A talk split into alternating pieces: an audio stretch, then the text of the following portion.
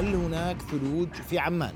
هل هذا المنخفض يحمل ثلوجا متراكمة؟ رحب مباشرة بمحمد الشاكر من طقس العرب محمد مساء الخير. تفصيل الثلج وأعطيني تفاصيل في المنخفض الحالي على أقل تقدير بتراتبيه زمنية متى يبدأ تبدأ الفعالية أين تتساقط الثلوج ومستوى التراكم مفهومنا بأنه راح يكون في إغلاقات أو يوجد بعض التساقطات الثلجية في هذا آه، المنخفض سأستعرضها بعد قليل فهو في البداية ليس رؤيا بودكاست أهلا بكم في محورنا الأخير حديثنا سيكون حول الحالة الجوية المتوقع أن تتأثر بها المملكة خلال الساعات والأيام المقبلة. أرحب مباشرة بمحمد الشاكر من طقس العرب محمد مساء الخير. مساء الخير أستاذ محمد. أه، عشان عشان يعني بدي أحكي بتسلسل بعرف بتفضل الحكي بتسلسل بس قبل هيك الناس كلها تسأل عن موضوع واحد وهو الثلوج. نعم. هل هناك ثلوج في عمان؟ هل هذا المنخفض يحمل ثلوجا متراكمة؟ تفصيل الثلج وأعطيني تفاصيل في المنخفض الحالي على أقل تقدير. بتراتبيه زمنية متى يبدأ تبدأ الفعالية؟ أين تتساقط الثلوج؟ ومستوى التراكم؟ أكيد محمد مساء الخير لك. بالبداية طبعا المنخفض القادم هو ليس ثلجه يعني هو مش ثلجه بمفهومنا بأنه راح يكون في إغلاقات أو آه، تعطيل كامل وليس عبارة عن منخفض ثلجي كامل.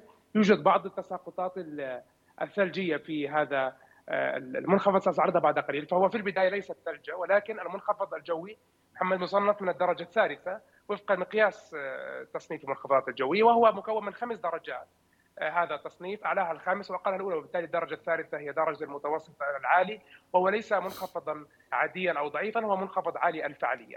سريعا ساستعرض صور الأقمار الاصطناعية، هذا منخفض الآن متواجد إلى الشمال من الأراضي المصرية، هذه السحب والغيوم المرافقه لهذا المنخفض الجوي تتحرك تدريجيا باتجاه المملكة ومن المتوقع أن تصل خلال ساعات صباح يوم الغد بمشيئة الله تعالى. استعراض سريع للتسلسل الزمني لهذا المنخفض الجوي غدا صباحا بمشيئة الله تعالى يبدأ تأثر المملكة بهذا المنخفض الجوي. سيكون تأثير هذا المنخفض الجوي على المملكة على شكل جبهة هوائيه باردة تقريبا ما ساعات ما قبل الظهر يتوقع أن تعبر هذه الجبهة مسببه هطولا للأمطار آه، آه، والبرد زخات الأمطار والبرد في مناطق عشوائية من المملكة ولكن عديده منها وليست منتظمة. هذا بعد ظهر الاثنين مش هيك محمد؟ قبل قبل ظهر الاثنين. قبل ظهر الاثنين. كويس.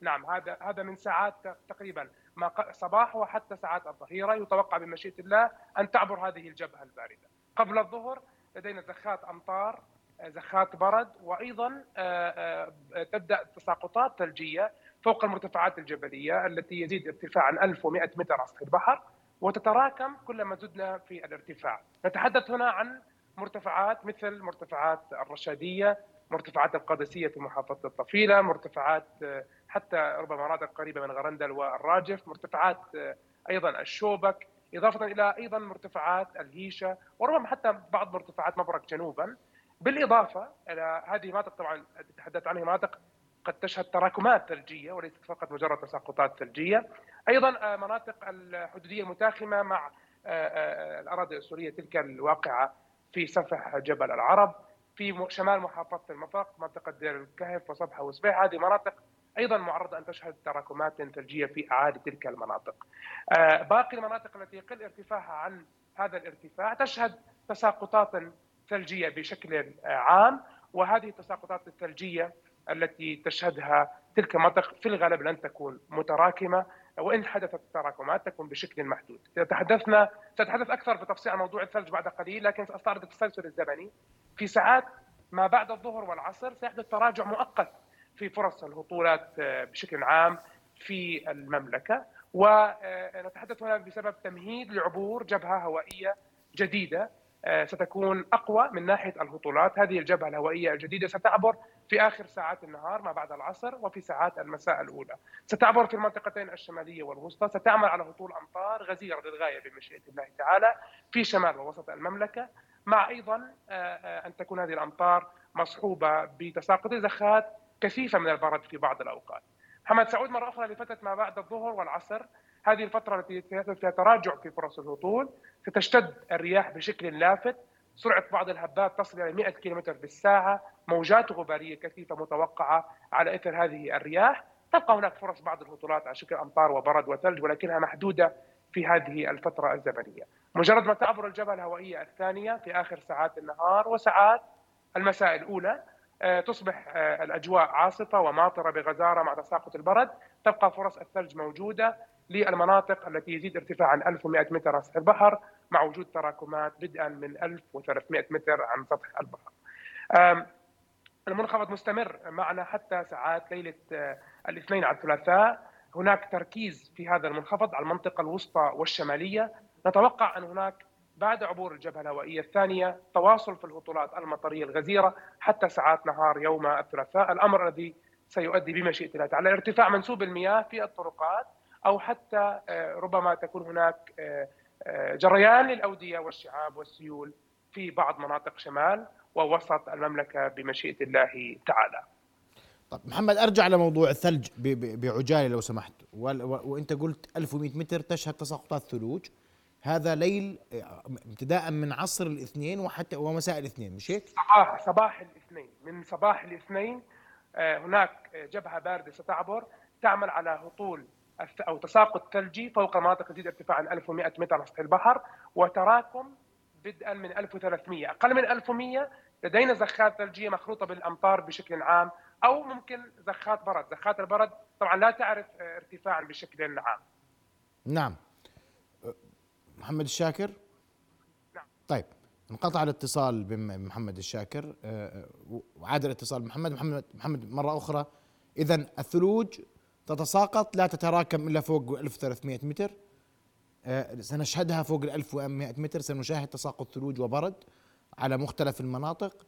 التي تزيد ارتفاعها عن 1100 متر. التراكم لن يكون لا إعاقة للحياة العامة بسبب تساقط الثلوج صحيح؟ التراكمات التراكمات في المنطقة الجنوبية آه، ستكون موجودة.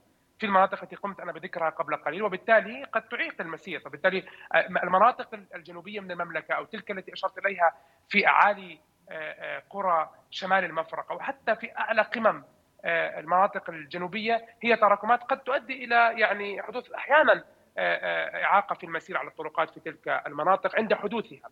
فهذه التوقعات، المناطق آه، التي يزيد ارتفاعا 1100 متر سطح البحر أيضا في المنطقة الشمالية لدينا مثلا أعالي جبال جرش وعجلون رأس منيف مثلا منطقة ثغرة عصفور هذه المناطق ربما يحدث بها بعض التراكمات المحدودة لأن الارتفاع لا تحدث بالضبط على 1300 يبدأ الارتفاع الذي يحدث بها التراكم قد يكون هناك يوجد يعني بعض التراكمات على أقل من ذلك بقليل أو أز أو أكثر من ذلك بقليل. العاصمة آه، عمان العاصمة عمان فوق 1000 متر 1100 متر ممكن المرتفعات العالية صويرح وما حولها صحيح؟ نتحدث نتحدث ال 1100 متر نتحدث تحديدا عن تلال العلي مناطق اعالي صويلح ربما أعالي منطقة مثلا آه، صويلح هذه مناطق جميعها آه، ترتفع تقريبا قريب ال 1100 متر على سطح البحر، هذه المناطق عندما نتحدث عنها ربما يحدث تراكم محدود إن حدث ولكن بشكل عام غير موجود التراكم الذي يعيق أو يغلق الطرق بشكل عام.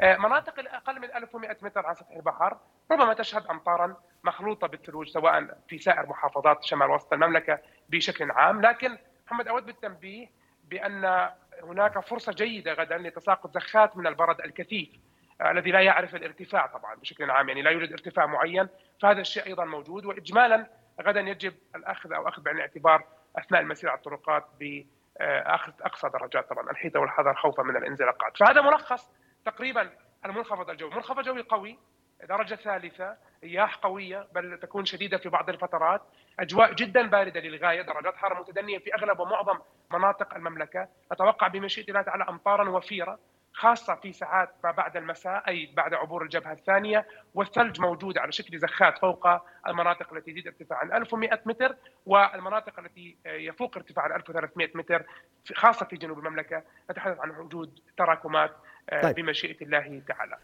نحمد الله على هذا المنخفض الأيام المقبلة. كيف سيكون شكلها حتى نهاية العام؟ هل هناك هل هناك من مزيد إن صح التعبير؟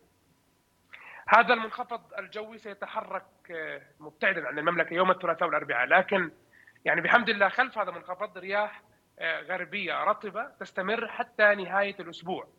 تيارات هوائية غربية رطبة كفيلة بمشيئة الله تعالى أن تجعل أيام الثلاثاء والأربعاء والخميس ماطرة في المنطقتين الشمالية والوسطى وشتوية. وبالتالي نتوقع زخم الحالة الجوية موجود معنا حتى صباح يوم الثلاثاء. لكن بعد ذلك نتوقع وجود أجواء ماطرة وشتوية حتى نهاية الأسبوع.